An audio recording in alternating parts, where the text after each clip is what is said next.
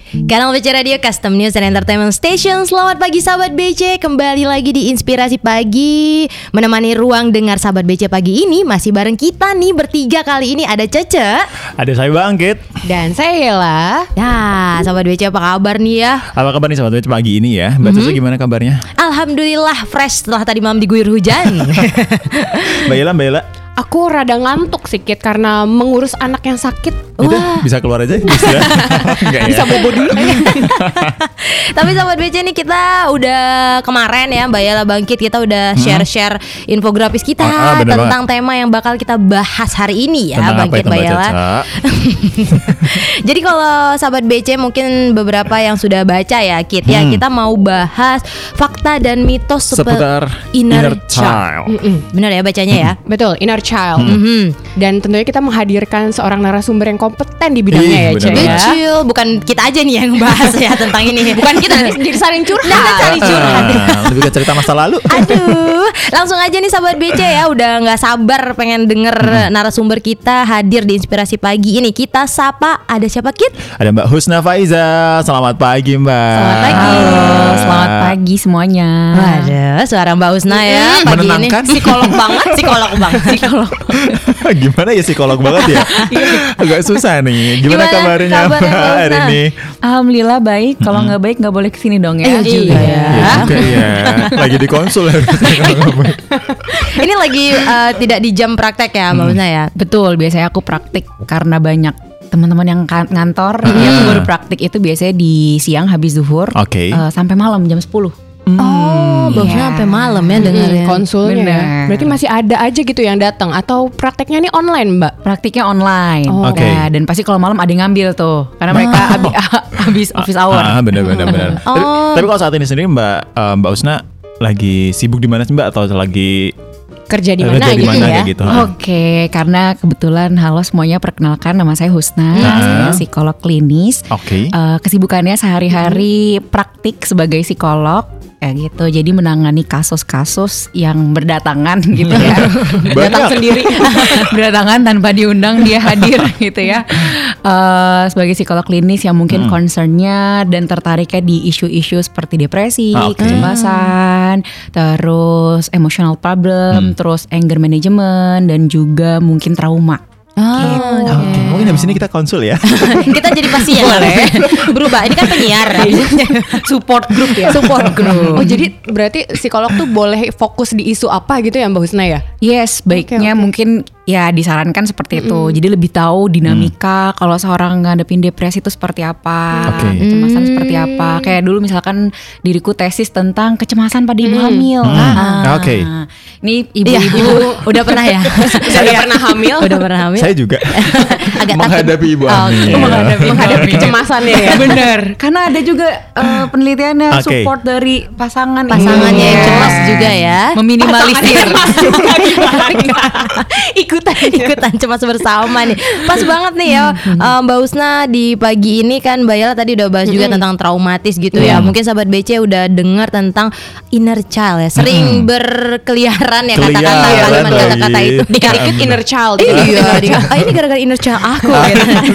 nah, Mbak Usna, sebenarnya inner inner child yang dimaksud itu seperti apa gitu? Apakah kita s- menyamakan Iya, persepsi, persepsi dulu dulu, ya? Iya. Ha, ha, gitu. Boleh Mbak Usna dijelasin? Oke, jadi kalau misalnya mau nyamain persepsi, Oke. uh, kita coba izin untuk menelaah sebenarnya ini hadir inner child itu tuh dari mana gitu ya.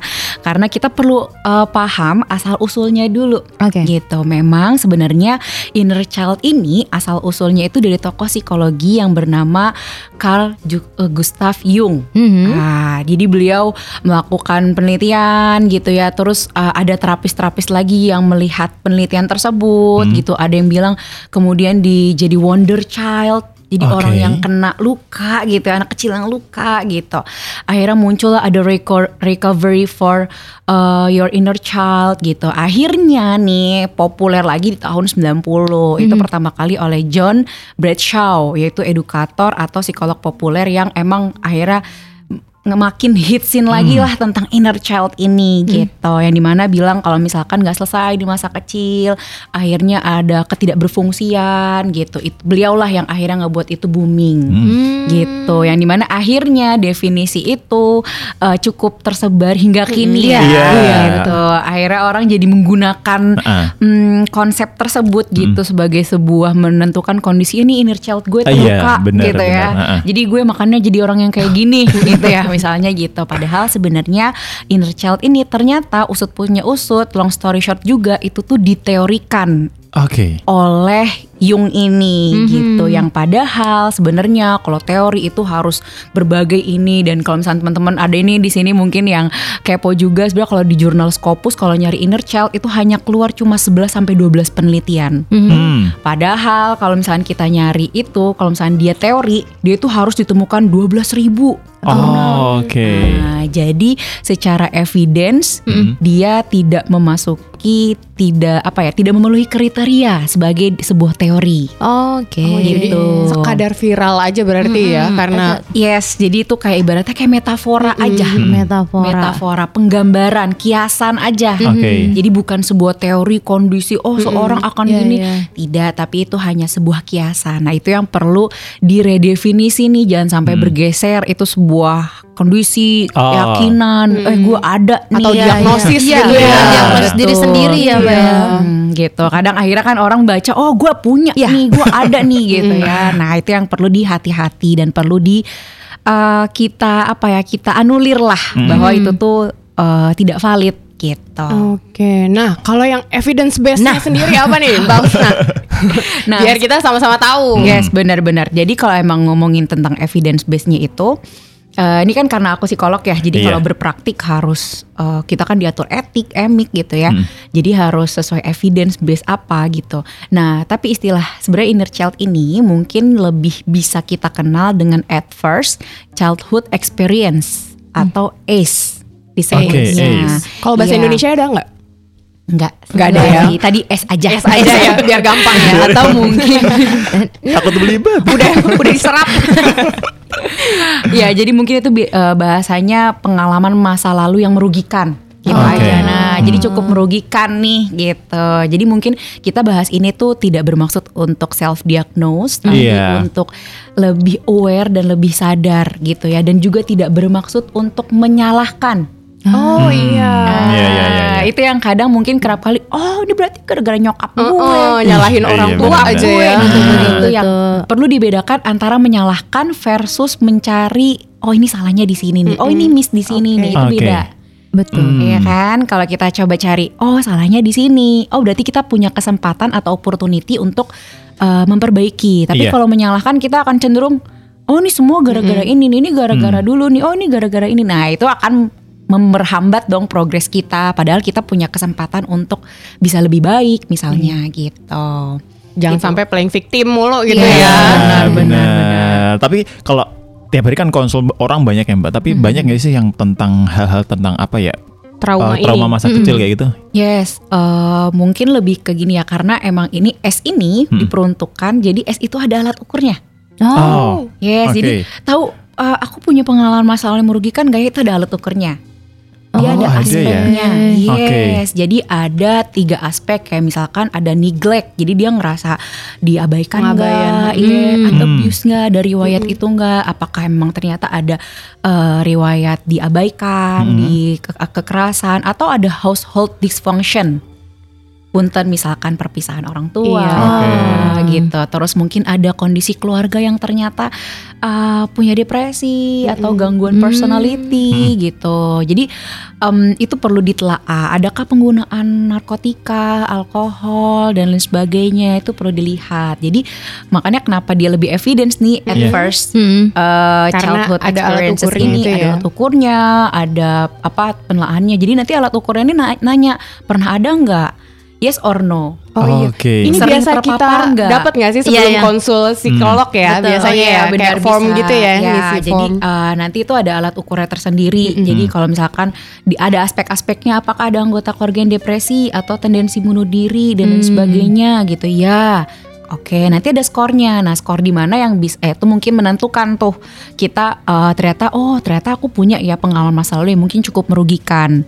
Nah, Oke. biasanya emang itu perlu diedukasi dulu karena biasanya kalau klien itu datang, Hmm?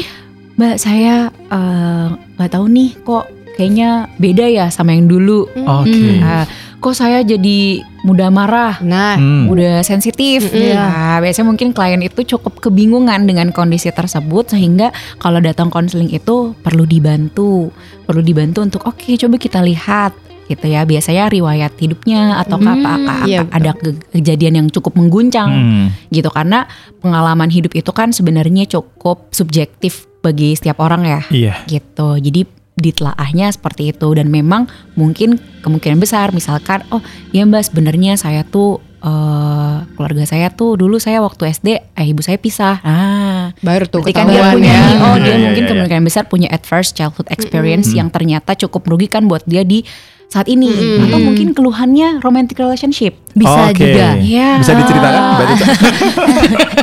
Udah lupa. Kebetulan banyak yang uh, heartbreak ya, isunya Iya. itu juga banyak gitu. Jadi oh, mungkin datang yang dia rasain itu hanya ibaratnya hanya ya Mm-mm. patah hati aja kok aku patah hati gitu ya. Nah, padahal sebenarnya ternyata buntutnya oh, ada es ini gitu, Oke. ada kondisi yang ternyata cukup merugikan dia. Karena kenapa? Ketika terjadi di masa kecil itu akan memang terekam Hmm. Ibaratnya terekam sama kita ada proses belajar dalam diri kita sehingga kita taunya oh kalau laki-laki tuh gini ya, oh eh, perempuan tuh gini ya, oh boleh ya ternyata saling menyakiti. Ah, Akhirnya mungkin terbawalah, terproyeksilah di kondisi dewasa ini. Gitu. Tapi kalau traumanya terjadi pada saat dewasa, apakah bisa disebut Efeknya. S juga S nih? juga iya benar. Ah, kalau misalkan di masa dewasa mungkin eh benernya itu nggak nggak masuk ya Oh, karena S iya. itu kan lebih ke experience kecil ah, gitu masa ya. kecil Hmm. betul karena mu- kan, eh, kalau bahas nanti anak kecil kebutuhan anak kecil tuh apa disayangi Hmm. di eh, belongness eh, untuk menikmati masa kecilnya itu kan kebutuhan-kebutuhan anak kecil yang perlu Iya. terpenuhi nah kalau terjadi di masa dewasa itu mungkin nanti ada lagi traumanya. Traumanya. Oh, trauma karena maaf nih ada yang berulang polanya. Ternyata dia diselingkuhi. Oh. Hmm. Misalnya kalau di isunya romantik Iya. ya Iya. Mm-mm. gitu atau dia punya atau kalau orang deh sekarang aku trust issue banget trust issue banget gitu ya dikit-dikit trust issue Trust issue, issue banget nih trust issue banget gitu ya Ah. nah itu yang perlu dikenali kalau terjadi di dewasa apakah memang benar-benar ini terjadinya di dewasa Oke. karena bisa jadi dia memang tidak mendapatkan haknya sebagai anak kecil ketika Wow. Callback ketika yang lalu. Ya, baru kerasanya sekarang. Nah, tapi makanya itu yang memang golden age itu benar banget. Ngefek gitu ya. banget di masa depan anak-anak ini. bagaimana cara karena berhubungan dengan attachment.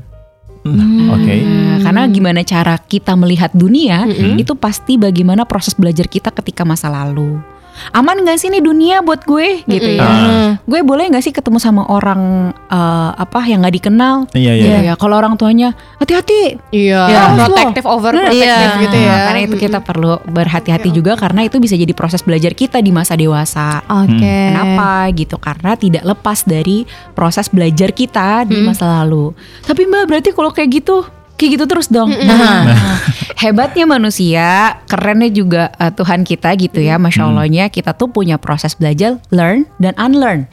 Oke, gimana itu? Kita punya proses belajar tadi ternyata melihat dunia itu menyeramkan ya, Mm-mm. oh nggak aman ya. Mm-mm. Ih ternyata semua cowok kayak gitu, misalnya. Enggak, enggak, enggak, enggak, enggak, enggak kok. Kecuali bangkit. Oh ternyata ce- cewek sama aja. Nah, Ah, iya, iya, iya, ya. iya. Enggak juga. Nah, ada proses unlearn. Unlearn. Oh. Yes, gitu makanya otak tuh luar biasa. Jadi em, emang kalau berhubungan sama trauma itu pasti berhubungan sama kondisi otak. Hmm. Gitu.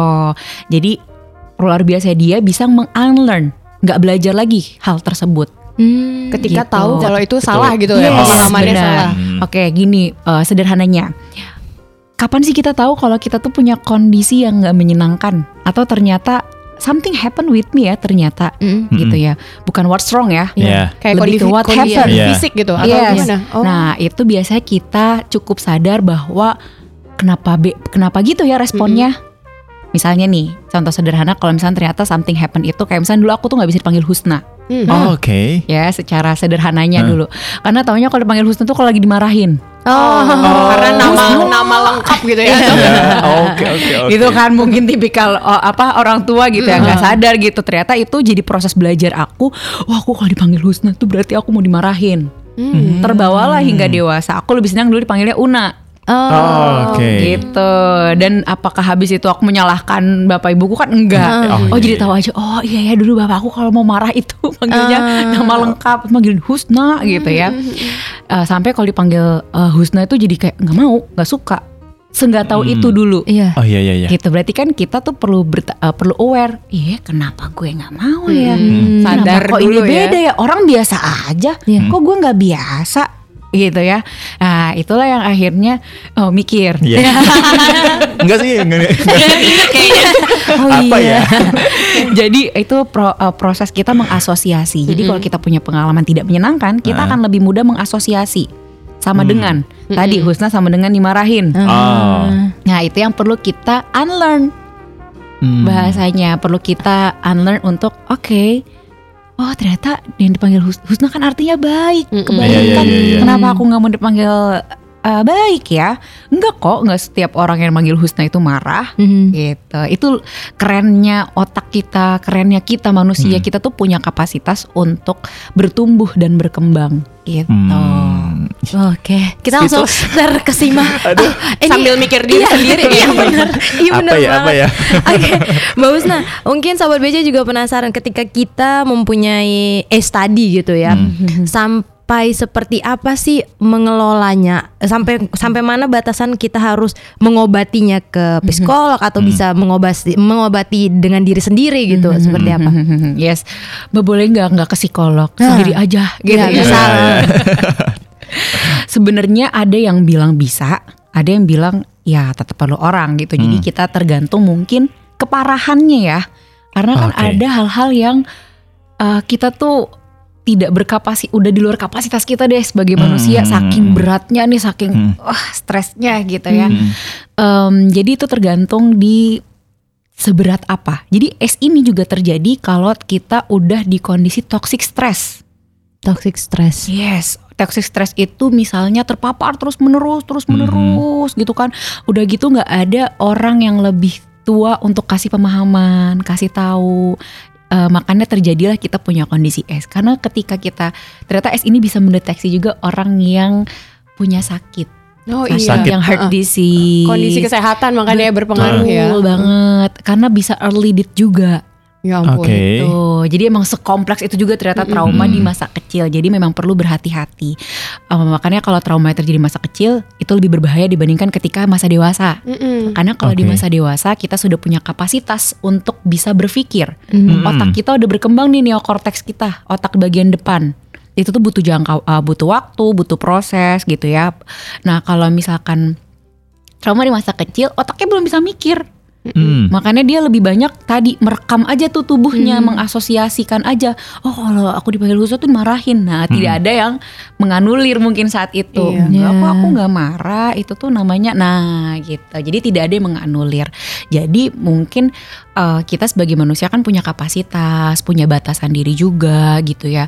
Eh, kita kan bukan superhero gitu ya yang mungkin bisa semuanya dilakukan sendiri. Jadi kalau misalkan eh, itu ternyata sudah berangsur-angsur, kok makin nggak nyaman, kok makin kerasa, udah kesulitan gitu kan. Manusia punya kas- eh, punya kapasitas buat mengelola stres ya. Hmm. Oh kalau stres makan enak, oh udah Iya. nggak stres lagi. Tapi ternyata hal-hal yang kita biasa lakukan, tapi nggak solve, berarti itu sudah di luar kapasitas kita dan mungkin itu butuh professional help gitu karena memang ada hal-hal yang kerap kali kita nggak sadari ternyata Iya. itu cukup mengganggu Hmm. Hmm. bahkan ke performance Oh iya. Yes, kalau teman-teman pernah dengar ada performance anxiety issue, misalnya kayak kok gue deg-degan banget kalau ngomong udah enggak gue di belakang aja deh. Nah, Ya. Oh iya iya iya. bisa jadi banyak ada- banyak banyak banyak. Ada trauma base. Bisa jadi Oke. gitu. Ada pengalaman yang cukup merugikan di masa lalu sehingga akhirnya dia enggak enggak enggak pokoknya yang namanya jadi public speaking ngomong depan enggak enggak enggak enggak ada enggak ada di kamus gue. Nah, itu kan berarti what happened? Iya. Itu biasanya karena apa, Mbak? ada kejadian yang tidak menyenangkan mungkin ya entah dia pas waktu kecil malah diledekin Oh, terus tidak ada yang menganulir oke. misalkan nggak ada yang ngasih tahu untuk kayak enggak kok itu emang anak apa eh, apa namanya anak kecil emang kayak gitu. Ah, aku contoh gini. Dulu tuh aku sebenarnya korban bully. Mm-mm. Oke. Karena Heeh. eh, ini nih buat para orang tua. Korban bully karena aku badannya udah gede dari dari kecil ya. Mm-mm. Jadi suka dikatain sampai gempa bumi lah, bulldozer gitu ya. Nah saat itu mungkin kalau aku tidak berani bercerita, ya itu akan terus tersimpan Disimpan. dalam diriku dan aku tidak tumbuh menjadi orang yang kenapa emang kayak gitu ya. Apa bisa percaya diri lebih lagi gitu misalnya. Saat itu syukurnya alhamdulillah aku punya tempat bercerita. Ibu Umi Oke. Aku cerita Umi tadi aku di sekolah dikatain gempa bumi gitu ya. Nah ada ada orang dewasa yang menganulir. Mm-mm. Oh kalau kamu dikatain gempa bumi berarti mereka korban gempa bumi gitu ya. Jadi ibuku membuat itu jadi sebuah hal yang balas aja lucu loh itu. Kamu bilang aja kamu gempa bu- ini dong korbannya dong gitu ya. Oke. Jadi di situ apa kondisi waktu masa kecil itu penting banget makanya hubungan eh, apa ibu anak perempuan Mm-mm. ayah dengan anak laki-lakinya begitupun ayah dengan anak perempuan itu sangat berpengaruh signifikan di proses pendewasaan kemudian hari gitu Hmm. bagaimana cara kita melihat cara pandang dan sebagainya mungkin ketika kita eh, tidak berani bercerita tadi Hmm. ya Iya. bu- sendiri aja deh bisa jadi bisa jadi ya mungkin memang tidak terbiasa bercerita Oke. telan aja udah lu Mm-mm. gitu ya. Jadi gila gua mau orang deket aja kagak cerita. Ini disuruh ke orang lain. Ngapain? Gitu kan. Iya iya iya. iya. Kebanyakan ini pertama kalinya aku Mbak cerita. Ini pertama. Oh. Kebayang nggak kalau Iya, misalkan iya, iya. selama ini dia mendem sendiri, telan sendiri, udah makan tuh sendirian Mm, mm, mm. gitu. Dan dia harus mencerna itu sendiri. Ini apa? Iya. Ini gimana? Oh ini ya. Gitu. Oke. Makanya mungkin akhirnya pernah booming lah isu inner child ini sebegitunya Hmm. karena mungkin ada hal-hal yang kita tuh tidak terbiasa untuk bercerita, sharing.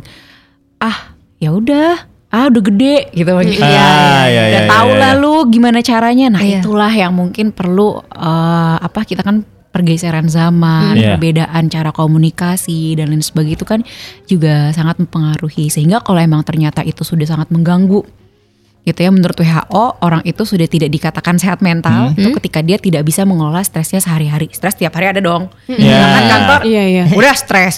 Aduh, gue harus mandi, bangun, berangkat iya, iya, macet iya. gitu kan. Itu aja udah stres sebenarnya. Ketika seseorang sudah tidak bisa mengelola eh, stresnya sehari-hari, Eh, kemudian tidak mengenali potensi dirinya, dia udah bi gak tahu gimana ya. Nggak berani Ah, gitu ya. Yes, gitu. Terus sudah tidak bisa produktif. Mm. Kok perasaan satu jam biasanya bisa ngerjain 10 berkas, ini satu aja nggak ada. Ah, Oke. aware tuh perlu aware dan kita pun perlu aware sama teman kita nih. Kenapa nih orang? gitu ya misalnya. Kok dia Tapi kayak kita sibuk menilai orang lain ya. kita di kebagian itunya. Ini stres nih. Ngejudge orang. Dan push Ngepus orang untuk tekan lagi. dan yang terakhir itu tidak bisa bermanfaat bagi lingkungan. Oh, Oh, Nah, udah ketika empat hal itu. itu. berarti ya something happen with yours mental health eh, kondisi ke- kesehatan mental kita gitu. Hmm, Oke. Tapi kalau tadi kan ada empat indikasi ya mbak ya indikator Mm-hmm. ya. Terus tapi kalau cuma terpenuhi tiga juga udah termasuk dalam apa ya S, gangguan iya, mental iya. Yes, tiga per empat ya, Ah. berarti sudah didominasi ya. Bisa. Oh tapi kalau dua gitu juga belum. Mungkin levelnya Hmm. nanti. Oh oke ini masih bisa. Jadi kalau di kami nanti ngelihat prognosis namanya. Oke. Kayak ngelihat oh ini baik atau buruk ya. Oh ini kalau misalkan aku kebetulan kerja di lapas kan melihatnya Hmm. oh ini prognosisnya cukup buruk nih. Udah emang nggak punya keluarga. Korban kekerasan, bahkan punten pemerkosaan juga. Sekarang dia di penjara. Gimana coba? gitu ya. Jadi ya setidaknya ti- dia dia bisa berfungsi lah, bisa bermanfaat. Misalkan kalau di sana dimanfaatin untuk eh, ngangkat cadong, cadong teh eh, apa ya? tempat makan keluar ya.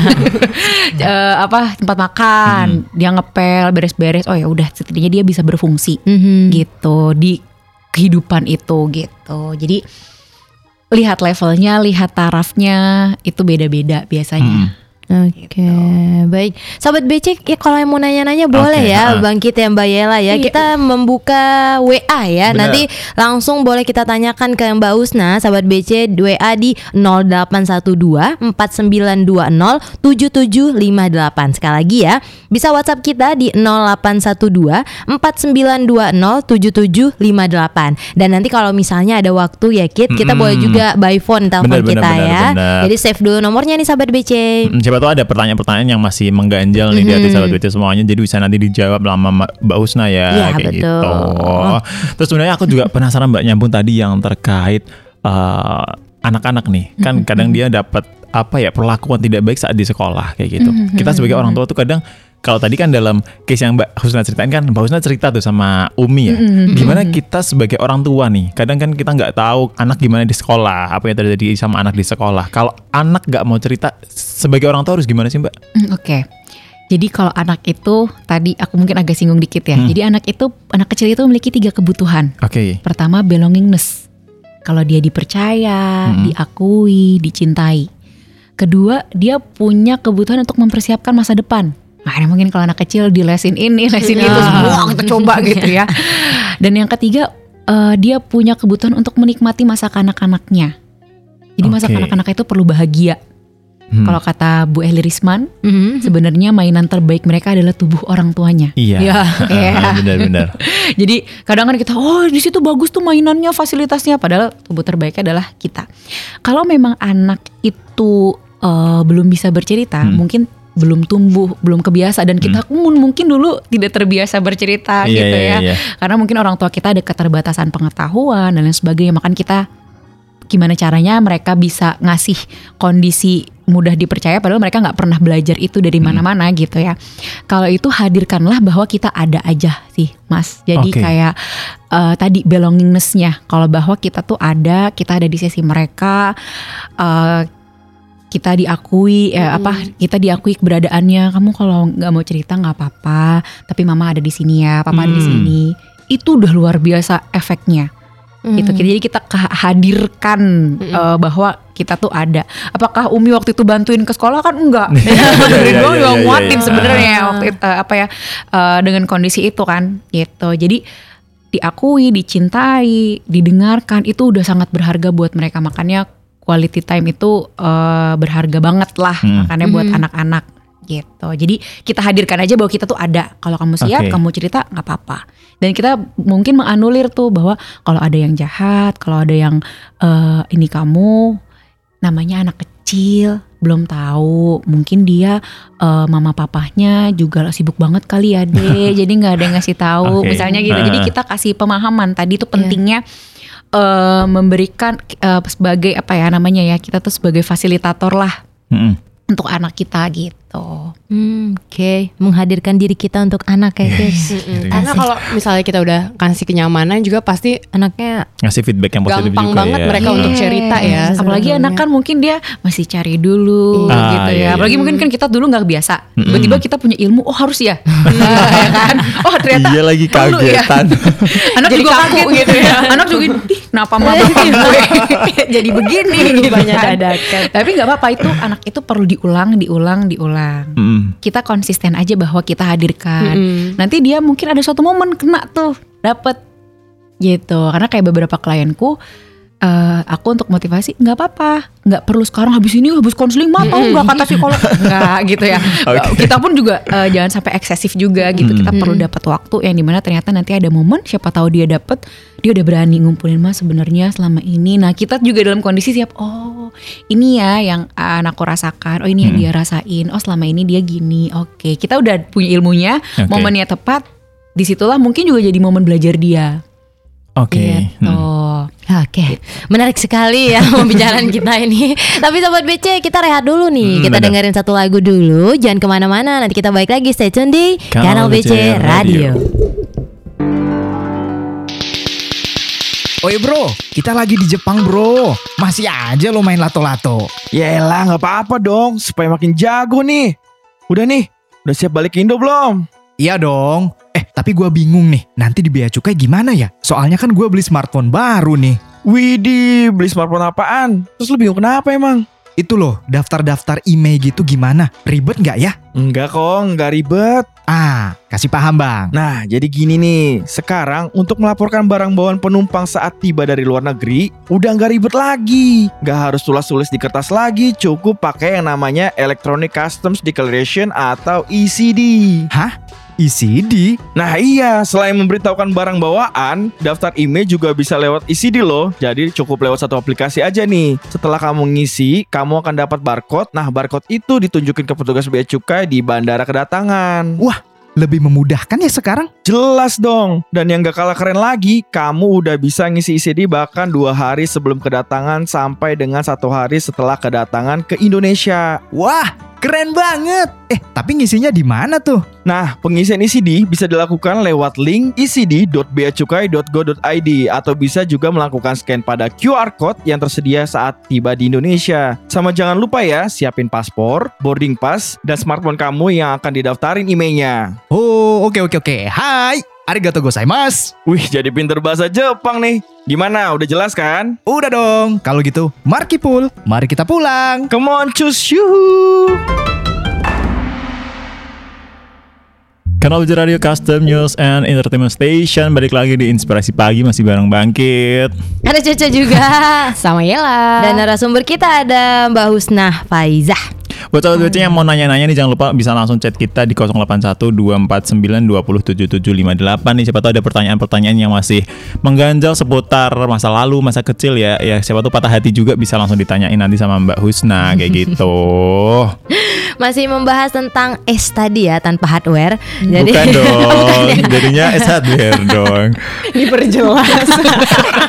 agak ini nih nggak smooth tadi udah bagus ya Mbak Usna eh, sahabat BC tadi mungkin sudah mulai mengerti nih udah eh, ke mana definisi masa trauma masa Iya. kecilnya gitu nah efek yang yang apa ya yang berdampak banget dari es itu di kehidupan saat ini ataupun pada masa kecil ya Mbak ya mungkin Iya. di sini beberapa kan kita masih punya anak nih Iya, iya. Eh, di batas-batas golden age tadi ternyata kita sudah melakukan eh, itu eh, trauma-trauma tadi gitu. Sebaiknya ap- langkah apa yang harus kita lakukan gitu. Oke, jadi mungkin kalau efek eh, memang mungkin lebih gini kalau di psikologi kita tuh bisa lihat dari tiga aspek kognitif, emosi, dan perilaku. Jadi mungkin efeknya mungkin akan berdampak entah di eh, perilaku Mm-mm. atau mungkin emosi atau kognitif. Oke. Kok orang bisa insecure, gue enggak misalnya, Mm-mm. atau gue insecure orang enggak ya pede-pede aja ya, kenapa ya? Nah itu efek-efek yang mungkin ternyata bisa jadi karena pengalaman yang cukup merugikan di masa lalu, gitu. Atau kok orang diginiin nggak baper ya? Kok aku baper? Ah, atau secara perilaku, kok oh, kok yang lain enjoy-enjoy aja? Kok aku Mm. kalau eh, pergi ke tempat umum khawatirku tinggi ya? Aku lebih baik di rumah aja. Nah, itu yang perlu dikenali tuh dari tiga aspek itu, apakah ada atau enggak. Dan terkait eh, dampaknya memang bisa jadi cukup kompleks ya. Jadi trauma itu ada yang single trauma, ada kompleks trauma, kecil-kecil kecil-kecil tapi banyak. Hmm. Nah, itu ada. Terus kalau misalkan hal-hal yang perlu dilakukan perlu disembuhin nggak sih? harus nggak sih mbak berarti ke psikolog gitu Iya, ya iya, iya, iya. Eh, harus gak sih ke profesional gitu ya nah keharusan itu sebenarnya nggak ada nggak ada yang kayak harus wajib kudu fardu ain misalnya enggak tapi hmm, jangan sampai itu ternyata akhirnya merugikan diri kita kadang orang tuh stres aja kan nggak sadar Iya lagi. Iya kan? Mm. Eh, gini pernah nggak deng- pernah nggak dengar Hah, padahal dia sehat-sehat aja Iya. happy happy aja hah punya kanker hah Ya. punya tumor Oh my god.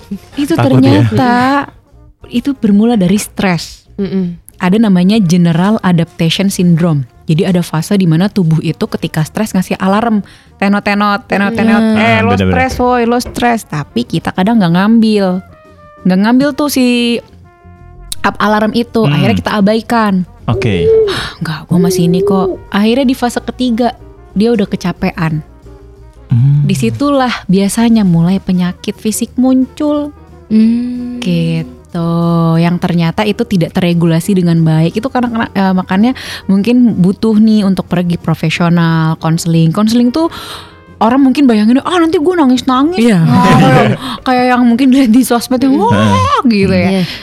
Eh, mungkin itu mm, pengalaman orang lain tapi mungkin bisa jadi kan kita enggak Mm. gitu jadi ada kok di klienku sendiri dia nulis di ulasan aku kira aku bakal nangis nangis jadi kalau di tempat praktikku bisa lihat ulasan dari kliennya Iya, iya, iya. Mbak aku kira konseling itu akan nangis-nangis, ternyata enggak ya gitu. Jadi Iya. belum tentu ke situ gitu. Jadi kita kalau ke professional help itu kita akan datang untuk belajar mengidentifikasi oh ternyata aku punya keyakinan atau core belief tentang aku tuh ini ya inkompeten.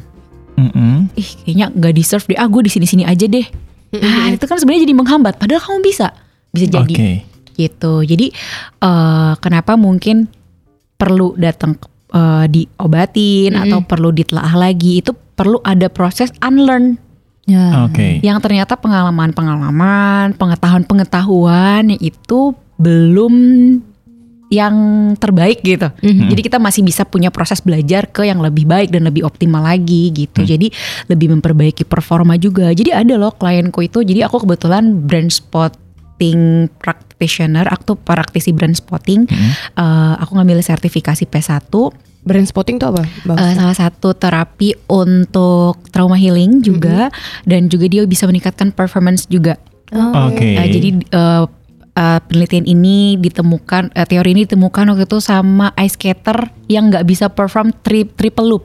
oh, ternyata ada Oh. masalah kesehatan mental gitu ya. Iya, ternyata dia Ngaruh ya gitu ya. eh, kondisi keluarganya Oh. eh, berantem, terus orang tuanya ternyata pisah dan lain sebagainya ternyata menghambat performa dia. Itu terjadinya saat dia kecil atau Saat saat, dia, kompetisi? Oh, kejadian Di- itu mm, sepertinya saat itu diceritakan backgroundnya, backgroundnya Oh, dia oke. ternyata itu ternyata mengganggu Ya performanya ampun. Segitunya dia. ya. Sampai. Yes, betul. Jadi eh, bagaimana perspektif? Jadi makanya tadi kalau misalnya diperbaiki, oh bisa jadi itu bisa ningkatin performa juga loh. Mm-mm. Jadi Oke. bukan belum tentu buat punten nih. Kadang orang emang cukup ke stigma ya. Bahkan klienku yang udah datang 10 kali konseling aja, Hmm. ketika aku kasih diagnosa dia punya penyakit tertentu, dia pun nggak mau orang lain tahu kalau dia ke psikolog Oh. gitu. oke. Karena mungkin proses stigma itu masih cukup kencang Iya, di kita. Iya. Gitu. Ngapain? Ngapain? Ah, gitu ya. Jadi eh, mungkin kita tuh sebenarnya sadar kalau kita kenapa-napa nih udah mulai sadar nih.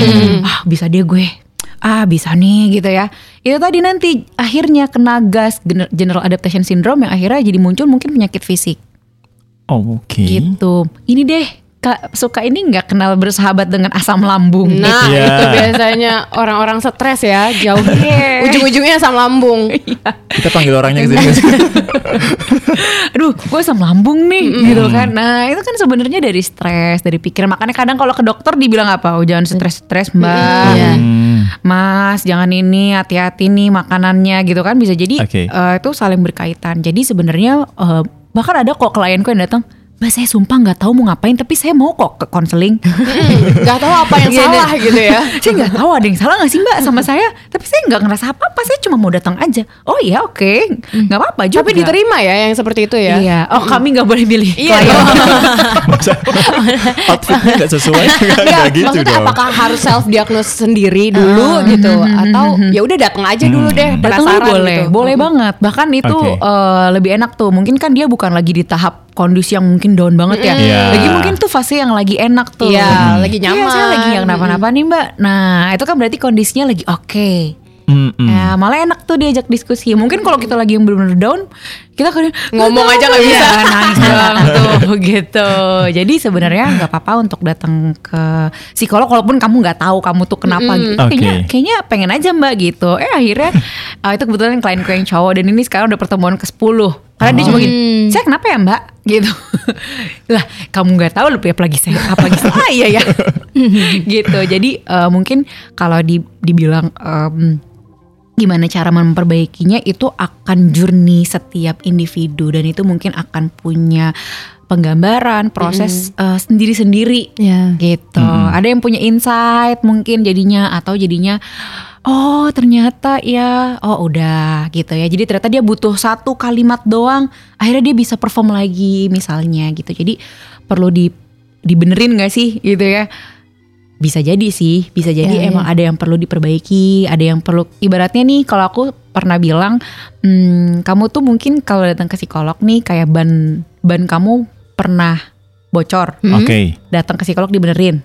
Nanti kalau kenapa-napa lagi tinggal tubles doang kan, tinggal dipompa, Nah. pompa lagi, biar dia tetap bisa jalan, tetap bisa beraktivitas gitu. Oke, bagusnya itu tadi kan mungkin untuk kita yang sudah dewasa ya. Misalnya nih, eh, sahabat BC yang punya anak kecil, untuk supaya dia jangan sadar S-nya ini di Ketika kemudian udah hari gede ya, ya. gitu. Dia sudah melewati fase eh, golden age tadi gitu. Kita sebagai orang tua pengen make sure ini anakku punya trauma nggak di masa-masa itu. Butuhkah kita membawanya ke eh, tadi ya help center tadi atau gimana gitu, Mbak, supaya jangan sampai ke dewasa gitu. Oh boleh banget. Bahkan itu kan kalau di anak kecil itu bisa misalkan ngelihat eh, apa tes kognitif.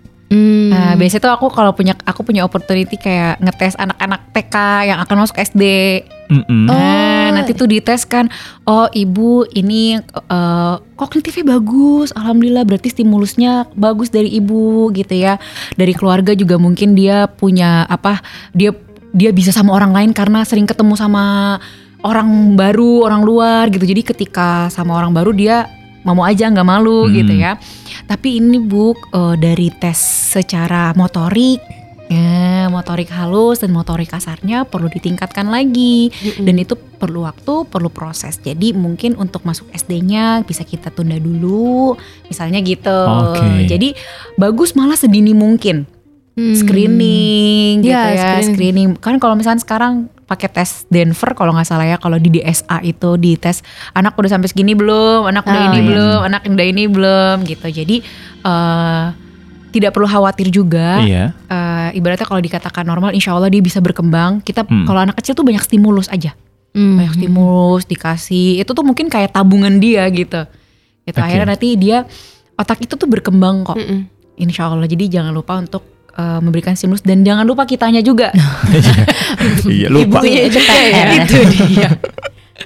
itu jadi eh, jangan sampai juga nih kita sebagai orang dewasa mungkin ya tadi kan bilang mau ngelihat anak kita punya ini enggak sih nah kita juga yang perlu koreksi kitanya udah baik belum ya kitanya udah dalam kondisi yang oke belum ya jangan sampai kita menaruh ekspektasi ternyata Oke. ke anak eh kamu kan harusnya apalagi eh, jadi orang tua di zaman now itu kan sebenarnya cukup tekanannya Iya, ya sih, kanan iya. kiri ya. Aduh, harus ambis gitu kayaknya. Nah, nah, nah, Iya. gitu kan. Nah, itu perlu kesepakatan pasangan. Maunya dibawa ke mana. Jangan jadi kestimulus sama teman kantor. Eh Iya, iya, tadi iya. anak gue kemarin ini bagus loh itu. Ah itu itu perlu sesuai sama value keluarga. Jadi balik lagi oh anak kita kan pengennya setidaknya dia happy nggak perlu ke pressure. Aku nggak ada nih ekspektasi dia harus ranking satu misalnya dan Mm-mm. sebagainya. Yang penting dia happy dia enjoy eh, dia bisa bersosialisasi aku udah seneng banget gitu. Sepakat dulu aja sama pasangan gitu. Jadi sejalan dulu nggak nih? Ada value-value yang sejalan nggak? Biar yang disampaikan ke anak pun sama karena kadang pasangan udah beda. Iya, iya, iya, iya, Jadi, iya, iya, yang papanya bolehin maknya nggak boleh apa eh, nggak ngebolehin kan? Iya. Ribut lagi ya. Gimana anak kita? Anak kita bingung. jadi kita perlu satu kesepakatan dulu satu suara dulu. Jadi sama konsisten. Anak tuh perlu lihat eh, proses dia bisa mencerna itu tuh kalau kitanya juga konsisten. Dia bingung dong kalau anak yang maaf ya yang akhirnya mungkin jadi ragu ya mungkin ada kebingungan saat saat dulu gitu atau ngelihat hal yang beda emak bap maknya A bapaknya B. Mm-mm. atau kayak bilang udah gak apa-apa gak apa-apa gitu kan.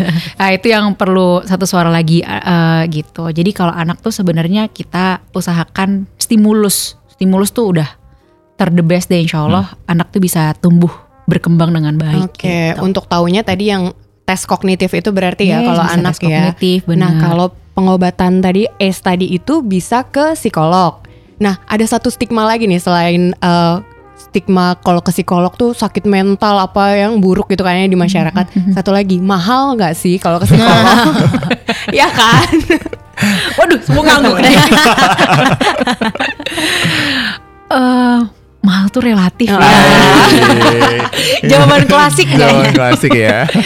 Eh, mahal enggaknya mungkin sebenarnya semoga ya supaya memang memang di Indonesia itu masih diperjuangkan banget. Kalau aku kebetulan karena eh, tumbuh besar sekolah di Jogja kemarin dan Jogja itu psikolog sudah di puskesmas, jadi Ya seperti ampun. mengakses Wow. ya dokter gitu ya. Dan alhamdulillah itu sudah dijadikan contoh di beberapa daerah Jakarta tuh sebenarnya sudah ada juga psikolog gitu dan alhamdulillah juga sebenarnya datang ke psikolog tuh bisa di cover BPJS Iya. gitu Iya, oh, ya. oke. Eh, memang itu yang mungkin perlu edukasi lagi, edukasi lagi gitu dan Hmm. memang itu perlu banget keterlibatan pemerintah Mm-mm. gitu. Memang eh, apa ya? Psikolog tuh kan kayaknya duh mahal lagi datang ke sana. iya. Apalagi tadi yang Mbak Husna bilang eh, sudah perawatannya 10 kali lagi ya. Kan konsulnya 10 kali. Dikira satu kali datang beres gitu ya. nah, memang kalau proses terapi, proses kayak gitu itu memang dikembalikan ke individu. Jadi Beda-beda kalau di ya. kami ngelihatnya ada yang namanya willingness dan readiness. Hmm. Orang ini biasanya kita ah mau deh mau gue mau mau mau berarti willingnessnya tinggi, Tinggi, ya. tapi readinessnya rendah.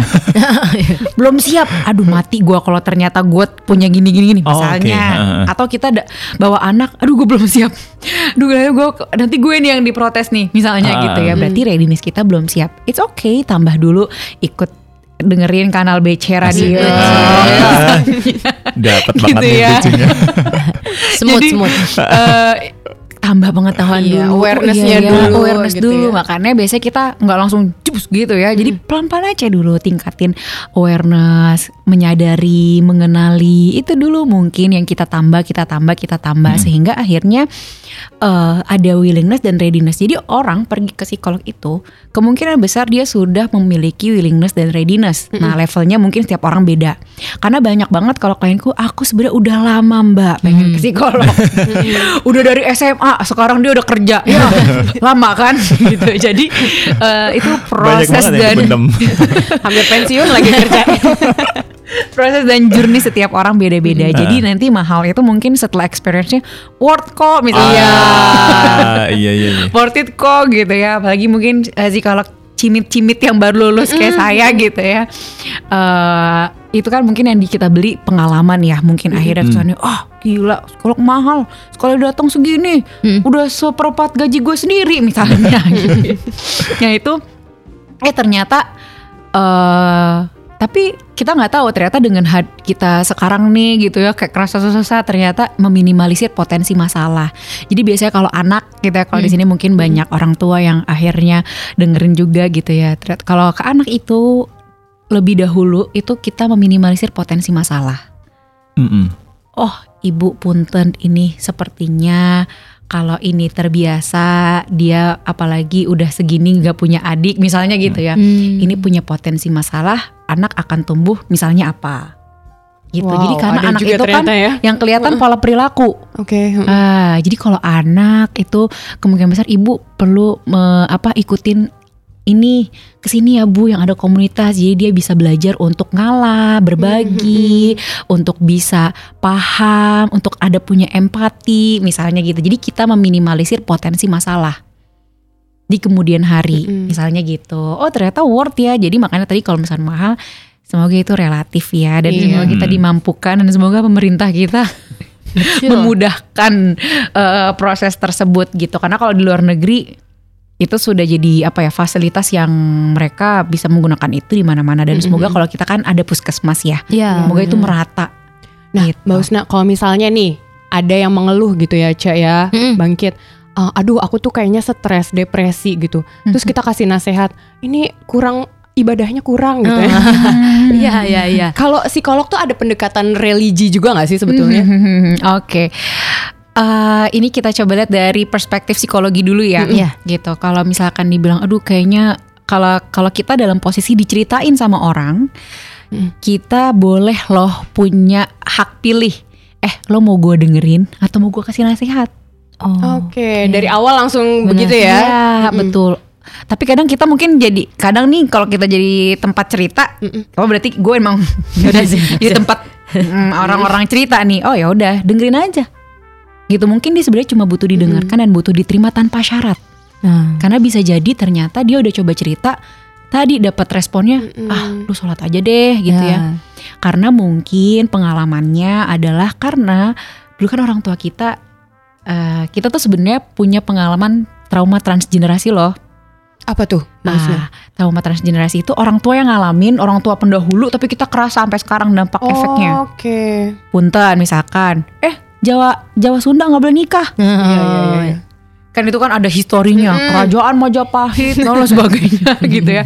Yang ngalamin siapa, yang kena siapa gitu. Itu contohnya, itu eh, yang kena kerasa ke kita. Yang akhirnya mungkin opportunity kita, pengalaman kita yang kita tahu tuh hanya itu. Mungkin orang tua kita pun begitu, yang mereka tahu kalau cemas, khawatir dan sebagainya, ya udah sholat aja, gitu ya. Nah, itulah yang mungkin yang bisa itu yang mungkin di- beliau sampaikan ke kita juga. Akhirnya kita juga jadi ya ini nyampein ke teman kita, ya udah lu kayaknya kurang ibadah deh. Gue lihat lu uh, sholat di ujung waktu misalnya gitu ya. Nah, kan itu yang karena kita tuh biasanya mengeluarkan sesuatu apa yang sudah kita tahu. Gitu. Jadi itu yang perlu mungkin kita minimalisir. Gitu kan karena kita mungkin nggak tahu nih sebenarnya yang terjadi sama dia tuh apa.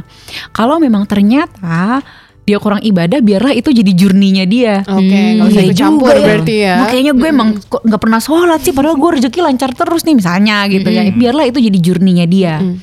Tapi kalau kita cukup jadi pendengar, mendengarkan gitu ya. Mendengarkan tuh juga mahal loh. Iya. Gitu ya. Jadi ya sudah gitu. Kalau ternyata kita nggak bisa ngomong apa-apa, ya udah lebih baik ya oh iya ya. Saran gue nih ya. Karena gue nggak berkapasitas nih misalnya gitu ya. Lu mendingan konseling aja deh. Gitu misalnya. Lu coba aja kalau emang belum berani ngomong, chat gitu. Karena klienku itu ada klien remaja chat aja dia sama aku. Chat chat chatting aja. Iya kan tapi dia rajin rutin.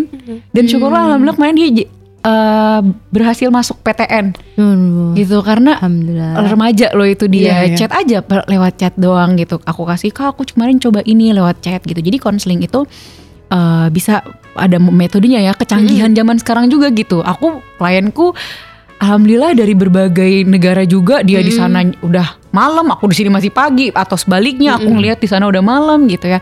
Lewat internet gitu kita tatap muka via online gitu. Jadi em, lebih baik direkomendasikan aja untuk online kok sekarang gitu kan. Orang kan kadang mau ke mana mau ke mana konseling udah jadi rasa tidak aman sendiri. Ternyata konseling online juga bisa gitu karena aku juga mm-mm. kerjanya online Benar-benar. gitu jadi itu apa ya namanya ya eh, kita lebih baik kalau misalnya kita yang didengerin Mm-mm. kita lebih baik meresponnya dengan hati-hati gitu karena bisa jadi emang dia cukup rentan ya Iya, Karena bisa jadi- lagi low banget ya. Iya, lagi low banget tenaganya nggak ada, supportnya minim. Mungkin dia juga lagi ada masalah yang dia nggak siap untuk menceritakan. Kita ny- nyeritain masalah nggak enak tuh butuh tenaga loh. Iya, Iya benar. betul. Karena mendengarkan mahal berarti nanti kalau bangkit cerita Mbak Yel kita langsung Eh, tarif gimana, panjang, gimana? panjang soalnya. Oke, Mbak Husna, ini ada sahabat BC nih la- eh, yang ngasih pertanyaan by WA. Boleh ya kita sampai ini ya. Jadi eh, sahabat BC ini eh, sebut saja eh, kita kurang tahu nih ya Mas atau Mbak ya. Oke. Eh, eh, karena beliau eh, an- eh, pengen sharing dan bertanya. Izin sharing dan bertanya, saya punya pengalaman masa kecil eh, rape oleh orang dekat keluarga saya sendiri. Saya rasakan saya tumbuh dengan banyak sekali masalah dan saya jadi punya masalah di tiap relationship. Mm-mm. Pengalaman buruk ini selalu menghantui saya. Setiap hal yang kecil kadang bisa men-trigger saya mengingat momen-momen tersebut. Misalnya sentuhan dari pasangan. Ketika teringat kejadian tersebut, kadang saya suka lepas kendali. Apa berniat untuk ke kons- ko- eh, berniat untuk konsul ke psikolog dalam waktu dekat. Tapi sebelum itu, apa yang kira-kira dapat saya lakukan untuk mengurangi trauma tersebut? Jadi udah willingnessnya ada, mungkin ready-nya masih dikumpulin gitu. yes, Mbak yes, Usan, gimana? mm, yes itu, aduh, masya Allah banget ya. Karena Aduh, kejadian bacanya itu, merinding. Oh, kebetulan aku eh, juga jadi asosiat di Yayasan Pulih yang memang itu eh, kasusnya banyaknya terjadi kepada perem- aku nggak tahu tadi perempuan atau laki-laki ya kekerasan gitu ya baik perempuan ataupun laki-laki kekerasan juga kepada anak itu banyak banget juga klien-klienku yang punya pengalaman yang serupa. Jadi khawatir biasanya orang tuh aduh kerasanya tuh pasti dunia nggak nggak aman buat dia. Jadi disentuh sama pasangannya aja udah kerasa nggak nyaman gitu. Ini pasti trauma sulit banget. Untuk cerita ini pun pasti dia maju Iya, iya, iya, mundur. iya. nggak mudah untuk sharing ini gitu. Dan untuk menguranginya mungkin sebenarnya hanya bisa mengurangi simptom. Gitu ya. Jadi tidak eh, bel- mungkin kalau sendiri udah kasusnya seperti ini hanya mengurangi simptom, perasaan gak enak, Hmm. pikiran gak menyenangkan, hanya mengurangi saja. Tapi belum tentu mengembali memulihkan, Menyembuhkan, yes, buat dia jadi pulih gitu. Mungkin muatannya dia ada seribu, setidaknya ini dikurangin biar nggak biar nggak nembus batas maksimal dia seribu, kurangin lagi, kurangin lagi. Paling hanya bisa mengurangi. Itu mungkin aku disclaimer dulu ya. Mungkin yang bisa dilakukan sekarang hanya mengurangi simptom aja, tapi eh, seperti kasus seperti ini sudah di levelnya. Kalau kita biasa nyebut oh green, oh orange nih, merah Hmm.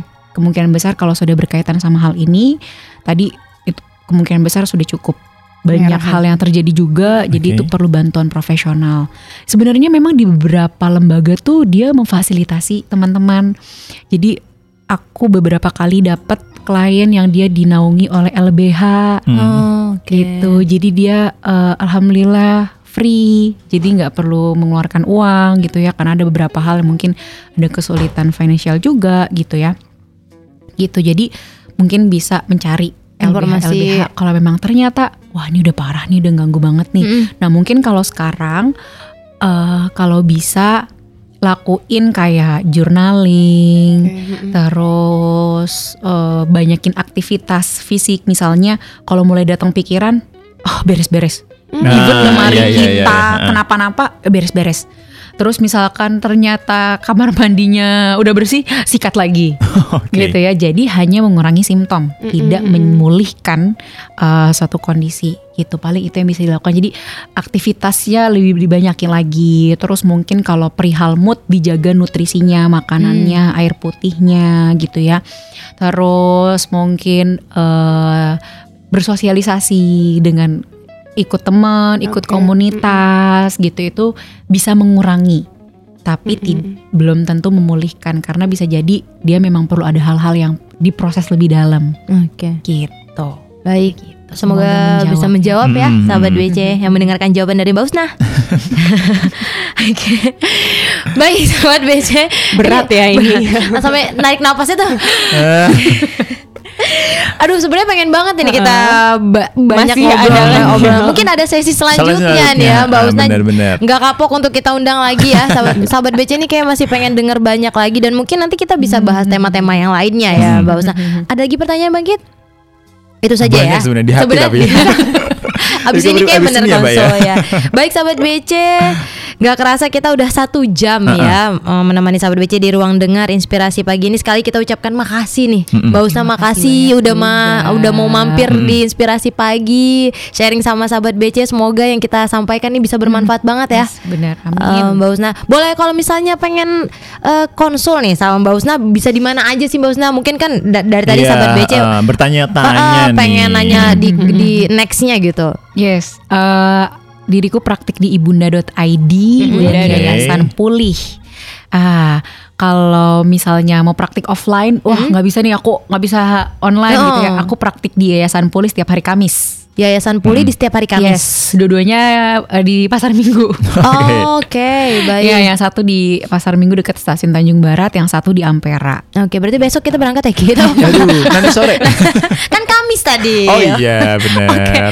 Baik, akhir kata nih sahabat BC sampai ketemu lagi di program-program kita yang lainnya bersama penyiar-penyiar kita yang lainnya Bener juga banget. ya. Kita berempat pagi ini di, Inspira- di inspirasi pagi ada saya Caca. Saya bangkit. Dan saya Ella. Dan saya Husna. Pamit undur diri dari ruang dengar sahabat BC. Sampai ketemu lagi. Bye Bye-bye. bye.